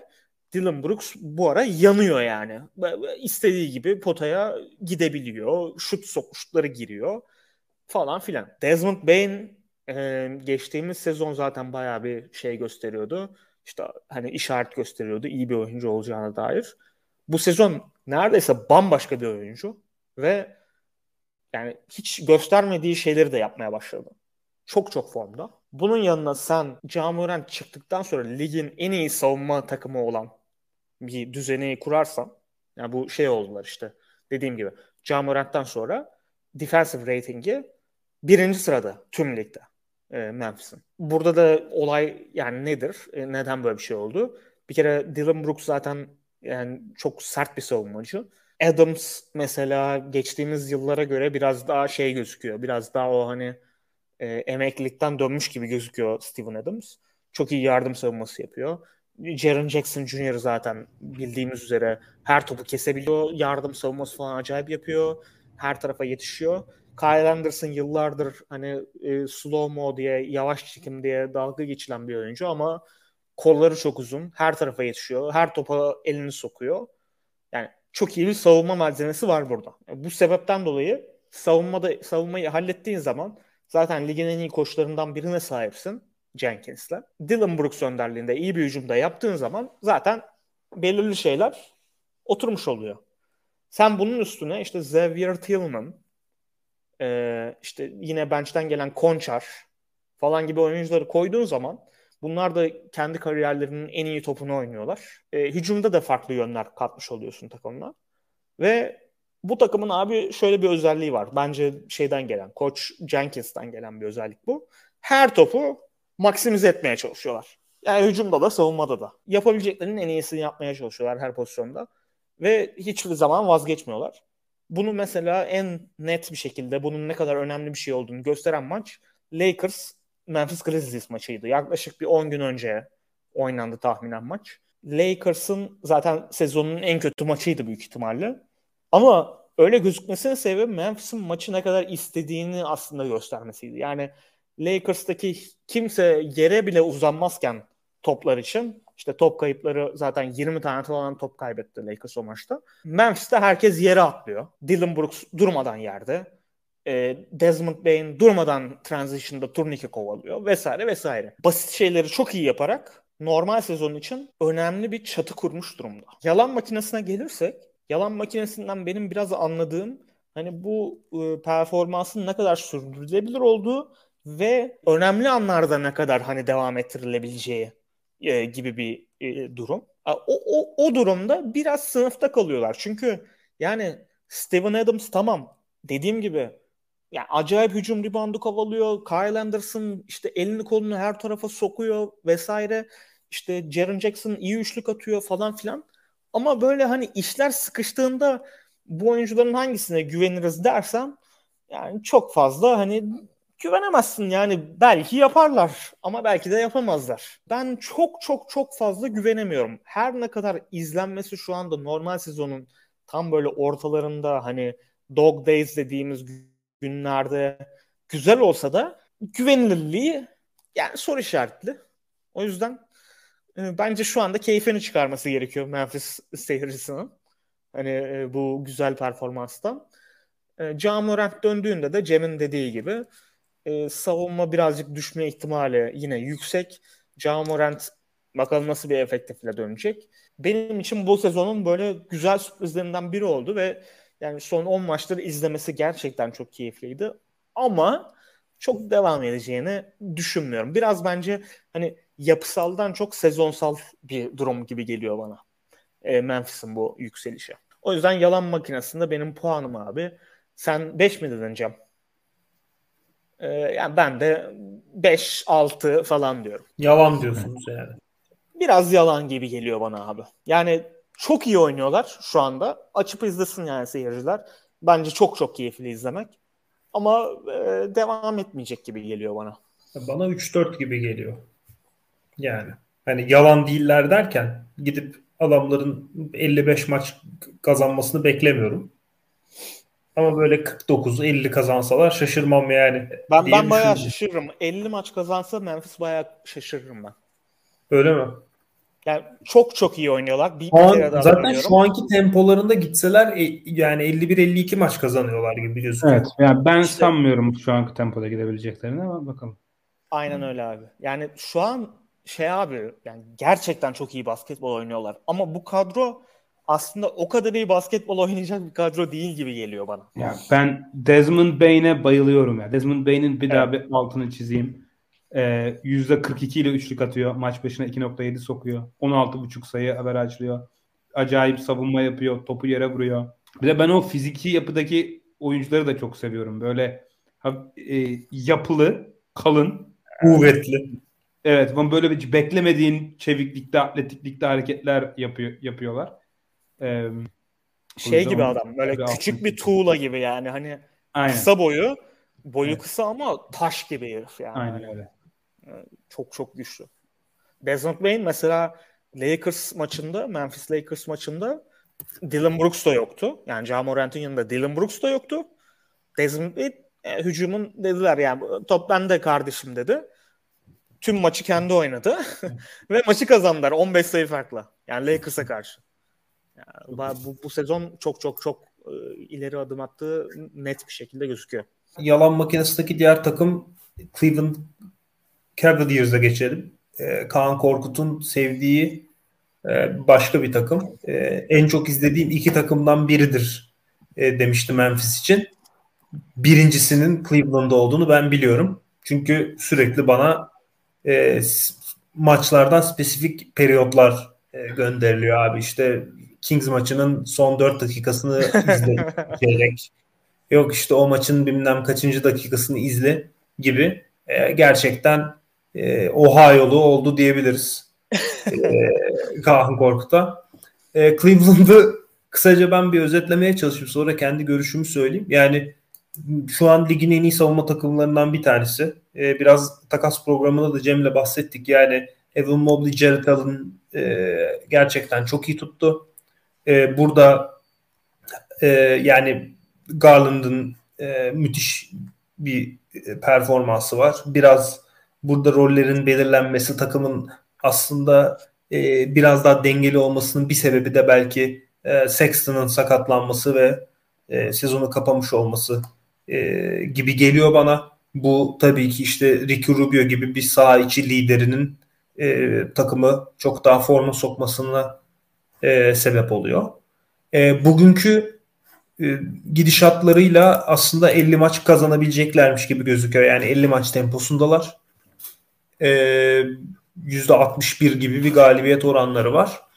Ve aslına bakacak olursanız da yani şu anki ofensif ve defensif ratingine ne baktığımız zaman onların bir iki maç daha fazla kazanmasını beklerdik. E, bu da onları zaten %65'in üzerinde bir e, galibiyet temposuna e, çekiyor. E, ve sezonun geri kalanında da aslında çok daha e, yani zor maçlar oynadılar. Çok daha basit bir e, fikstürleri olacak gibi gözüküyor. Özellikle son e, son bir ayki e, fikstürleri gerçekten sıkıydı. E, yalanlar mı? Bence yalan değiller. Bunu söylemek güç. Yani şöyle bu adamlar şimdi expected win differential en yüksek olduğu takımlardan biri dedik. Yani iki maç daha fazla kazanmalarını beklerdik dedik. Yani bu takımın 55 maç kazanması pek mümkün değil. Şimdi yalan değiller derken e, yanlış anlaşılma olmasın. Ben Cleveland'ı sezonun başında yani Doğu'nun en 3 takımından birine yazıyordum büyük ihtimalle. Yazmıyordum şimdi Detroit, Orlando falan. E, orası tabii karışık da ya hemen lotaryanın üstü e, play'in başı bir yere yazıyordum. E, bunun çok daha ötesinde bir takım olduklarını e, bence gösterdiler.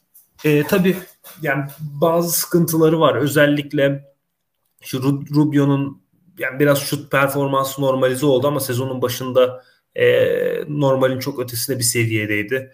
E, Garland'ın dönem dönem maçta çok yani spektaküler e, sayılar attığını özellikle e, top of the key yani step back üçlüklerini falan düşündüğümüz zaman yani yok artık bu kadar da olur mu dediğimiz ve maçı kıran e, şutlar olduğunu soktuğunu e, söylemekte fayda var. Yani yalan değiller ama hani şöyle yalan yani 1-2 değiller. 3-4'ler yine bence 4'ler belki. Biraz daha normalize olabilir ama yine ben e, Grizzlies gibi böyle 55-60 %55-60 galibiyet oranında diyeyim. E, bir performans bekliyorum onlardan. O da yani 46-48 galibiyet e, civarı bir yere otursunlar. Hadi 44-48 diyelim biraz daha geniş tutmakta fayda var bu tarz e, söylemler ortaya atarken e, gibi bir yere oturacaklarını e, düşünüyorum kendimce. E, Kaan sözü sana devredeyim abi Cleveland için. Çok uzatmamaya çalışacağım ama çok fazla söyleyeceğim şey var o yüzden hani hızlı bir şekilde davranmaya çalışacağım. Cem'e de şey olmasın saygısızlık olmasın Cem Bey'e. Yani benim bu sezon bir kere izlemekten en keyif aldığım takım çok net bir şekilde ki hayatımda Cleveland Cavaliers'ı ilgili böyle bir cümle hayatımda kurmadım yani. Ne LeBron dönemlerinde ne ondan önceki dönemde ki zaten LeBron öncesi dönem 2000 Darius Miles, Ricky Davis. Dajuan Wagner'a falan gidiyor. Neyse. Şöyle bir takım var karşımızda. Bence e, en önemli şey bir kere Cleveland'da konuşurken şeyin farkındalar. Yani A planlarının ne olduğunu çok net bir şekilde bilen bir takım. Darius Garland, Jared Allen tepe pick and roll'u oynadığı zaman oradan üretilecek şeylerin haddi hesabı yok. Hem Darius Garland kariyerinin en iyi sezonunu geçirdiği hem Jared Allen yine kariyerinin en iyi sezonunu geçirdiği için sen iki tane peakindeki oyuncuya acayip efektif bir ikili oyuncu oynatıyorsun. İkili oyun oynatıyorsun. Ee, Jared Allen ve Darius Garland bence zaten ikisinin de All-Star olması gerekiyor bu sezon. Jared Allen işte geçen bir maçta söylediler 26. maç falan sanırım. E, 25. 26. maçtan sonra NBA tarihinde %70 ile şut atabilmiş ilk oyuncu oldu. Rudy Gobert'le birlikte. Yani ikisi NBA tarihine geçtiler. Yani acayip bir bitirici. Tarihin gördüğü en iyi bitiricilerden biri Jared Allen. Bu sezonki haliyle. Jared Allen her zaman atletik bir oyuncu oldu.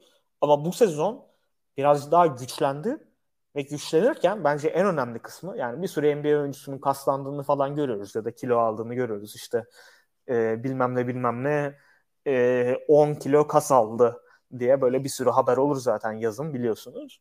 Yani Jared Allen kesinlikle kas kazanmış ama esnekliğinden hiçbir şey kaybetmemiş. Yani her topu pick and roll'da aldığında, devrildiğinde tepeden smaç vurmaya çalışmıyor mesela pick, şey Jared Allen. Ee, şey yapıyor. Yani onu da çok iyi yapıyor bu arada. Adamları acayip poster ettiği de oluyor. Ama belli bir fırsat gördüğünde yana doğru böyle hafif kıvrılarak el hassasiyeti de iyi olduğu için turnikeyle bitirebiliyor Jared Allen mesela. Yani bu yüzden zaten %70 seviyesinde. Yani acayip bir silaha dönüşmüş durumda. E bunun yanına sen Garland'ın Trey Young'ı bayağı hatırlatan bir pick and roll oyun stratejisini koyduğun zaman zaten senin abi e, hücumda ana stratejin belli olmuş oluyor. Yani sen bu oyunu oynadığın sürece e, çok fazla bir e, şey yapmana gerek yok. Çünkü Garland Trey Young'a yine benzer bir şekilde çok iyi bir şutör. Hatta belki e, uzaktan atılan üçlüklerini e, Young'ın saymazsak onunla eşit derecede bir şutör. Yani hani Trey Young uzaktan çok uzaktan üçlük denediği için birazcık üçlük yüzdesi düşebiliyor. Darius Garland onları denemiyor. O yüzden hani e, benzer üçlük yüzdelerine sahip. Ve çok iyi oyunu görebiliyor. İşte Allen devrildiği zaman köşedeki Okoro'yu çok iyi görebiliyor. İşte Cedi'yi çok iyi görebiliyor. Markan'ını çok iyi görebiliyor. Markan'ın zaten çok az konuşuluyor bu takımın başarısında. Ama Markan'ın, Evan Mobley, e, Jared Allen'ı sen yan yana oynattığın zaman zaten abi yani savunmada başka hiçbir takımın yapamadığı bir şeyi yapıyorsun. Üç tane uzunu oynatıyorsun ve bu üç uzunda lateral hareketlilik olarak lig averajının üzerinde insanlar yani. Sadece uzun olarak da söylemiyorum. Çok rahat bir şekilde lateral hareket edebilen 3 tane e, uzun oyuncun var senin. Mobley zaten pota altını karartıyor. Jared Allen pota altını karartıyor. Senin acayip bir savunman var mı? Var. Senin hücumda çok rahat, elit bir şekilde sayı getiren bir kombinasyonun var mı Jared Allen, e, Garland şeyiyle, pick and roll'uyla? Var senin bench'ten gelen Kevin Love ki bunu söylediğime inanamıyorum. Ama Kevin Love oynuyor ya. Aynen oynuyor. Ve Cedi Osman gibi iki tane silahın var mı? Bunlardan Kevin Love son iki haftada maç başına 3 3 3 3 isabeti buluyor mu? Buluyor. Yani bu şey Curry'den bir adım arkada yani hani. yani şey değil yani hani 3 tane üçlük bulmak öyle herkesin yaptığı bir şey değil yani maç başına. Kevin Love bunu buluyor. Cedi Osman, Cedi şunu çözdü bu sezon. Onun kesinlikle altını çözmek isti- e, çizmek istiyorum. Cedi artık hiç düşünmeden oynuyor abi basketbolu. Top geldiği zaman boş mu? Direkt üçlük atıyor abi. Yani hiç düşünmüyor. Yani penetre edeyim mi? İşte pas vereyim mi? Falan filan yok. Direkt abi Pero Antic gibi. Ben Pero Antic'i o yüzden severdim çatırt diye yani tap direkt kaldırıp şut atıyor abi. Ve doğru karar bu abi. Sen yüzde kırkla üçlük atıyorsan eline gelen her böyle boş bulduğun fırsatta üçlük atacaksın. Bu kadar net. JB aynı zamanda savunmasını da geliştirdi bu sezon. Zaten fena bir savunmacı değildi. Bu sezon e, pas aralarını falan da çok iyi oynuyor. E, araya girip işte transition'larda bir sürü e, takımına fırsat yaratıyor. Kendisi de bitirebiliyor ya da yana kick out ediyor. Üçlük bulabiliyorlar. Kendisi getirip e, şeyden transition'dan üçlük attığı falan bile oluyor. E, şimdi bu kadar olayın yanında bir de en son en şey olay sen Emre zaten söyledin.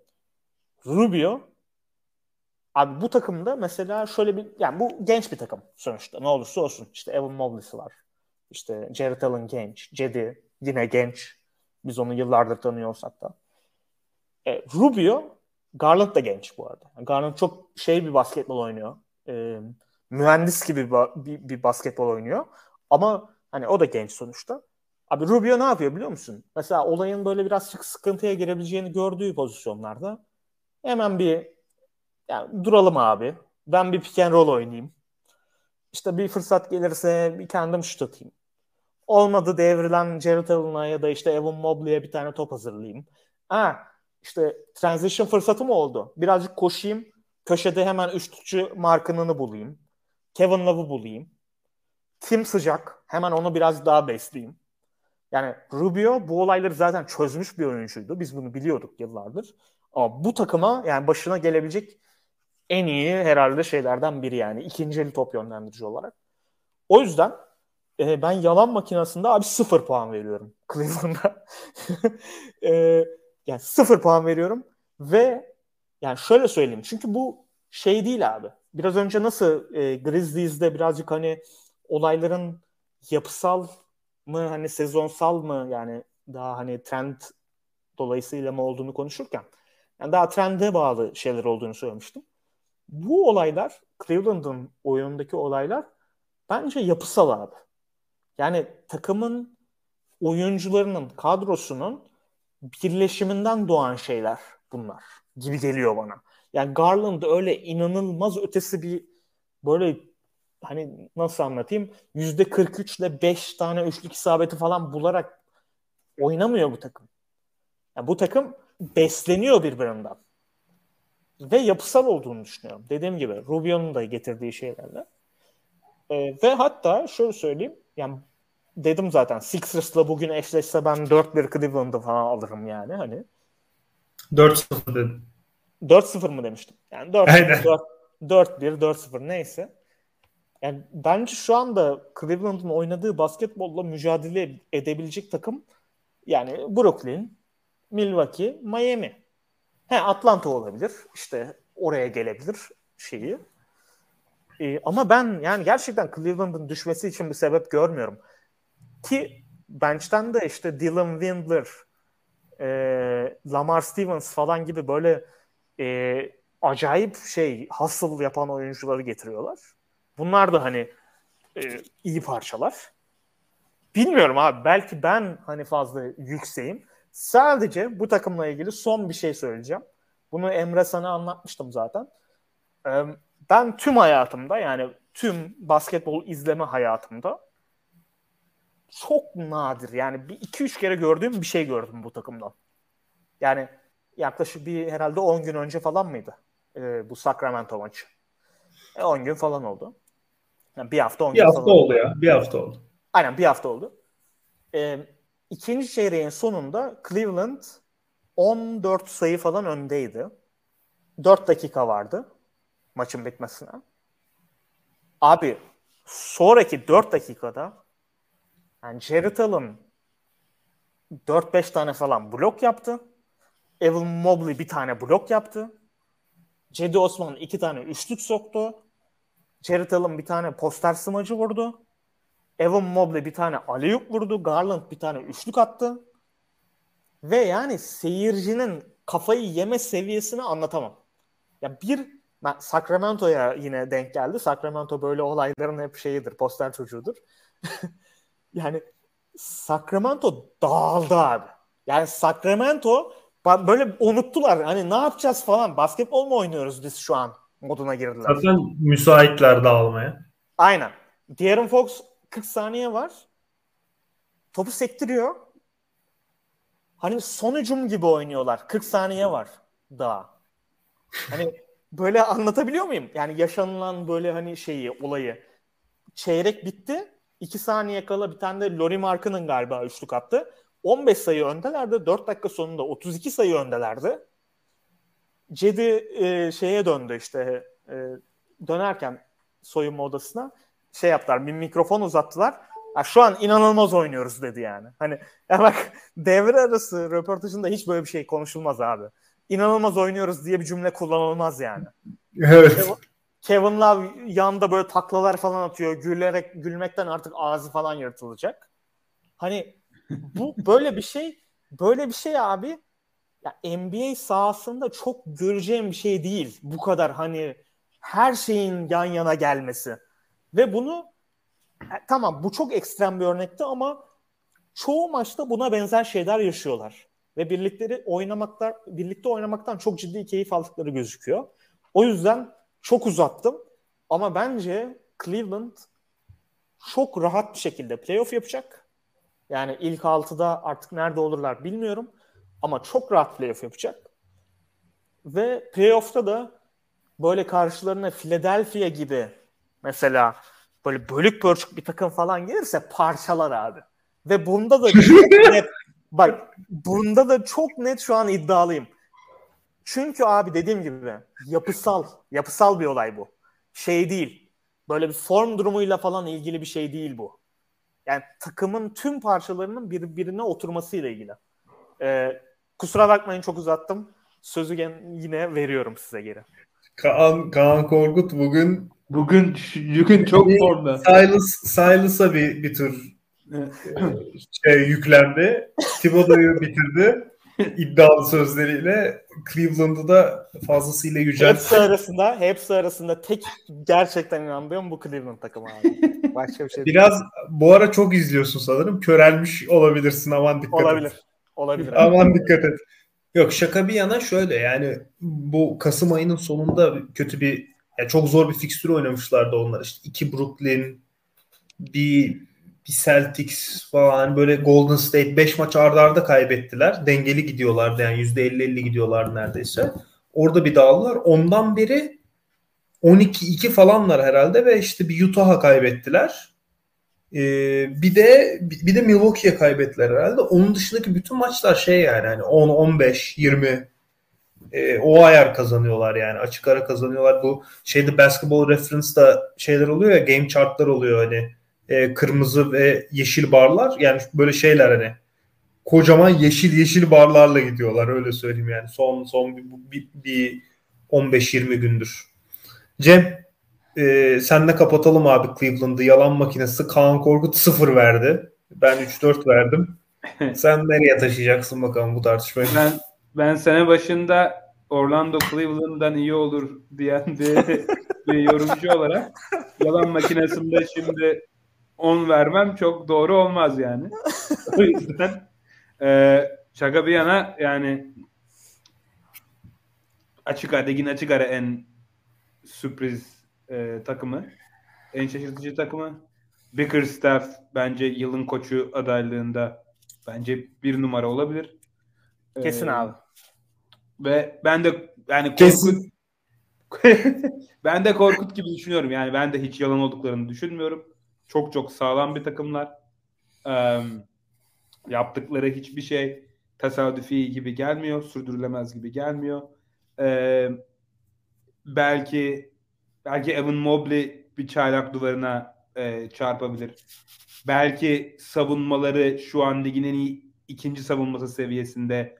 Bu biraz geriye gidebilir ama e, ben de playoff'a gireceklerini düşünüyorum e, 3-4'ten giremezler diye düşünüyorum. Çünkü doğuda rekabet çok ama ben de hani 6 ilk 6'da e, yer alma ihtimallerinin e, oldukça fazla olduğunu e, düşünüyorum açıkçası. Ben de yalan makinesine hani sırf şu an hani ligin en iyi savunmalarından biri oldukları için onun sürdürülemez olduğunu düşünüyorum ama geri kalan her şey e, sürdürülebilir. O yüzden 2 vereyim ben de. ikinizin arasında bir yerde. Ben ben çok uzun zamandır bir takım hakkında bu kadar yanıldığımı hatırlamıyorum ya. Abi bu arada çok pardon Cem. Biz senle yapmıştık galiba merkez grubu değerlendirmesini.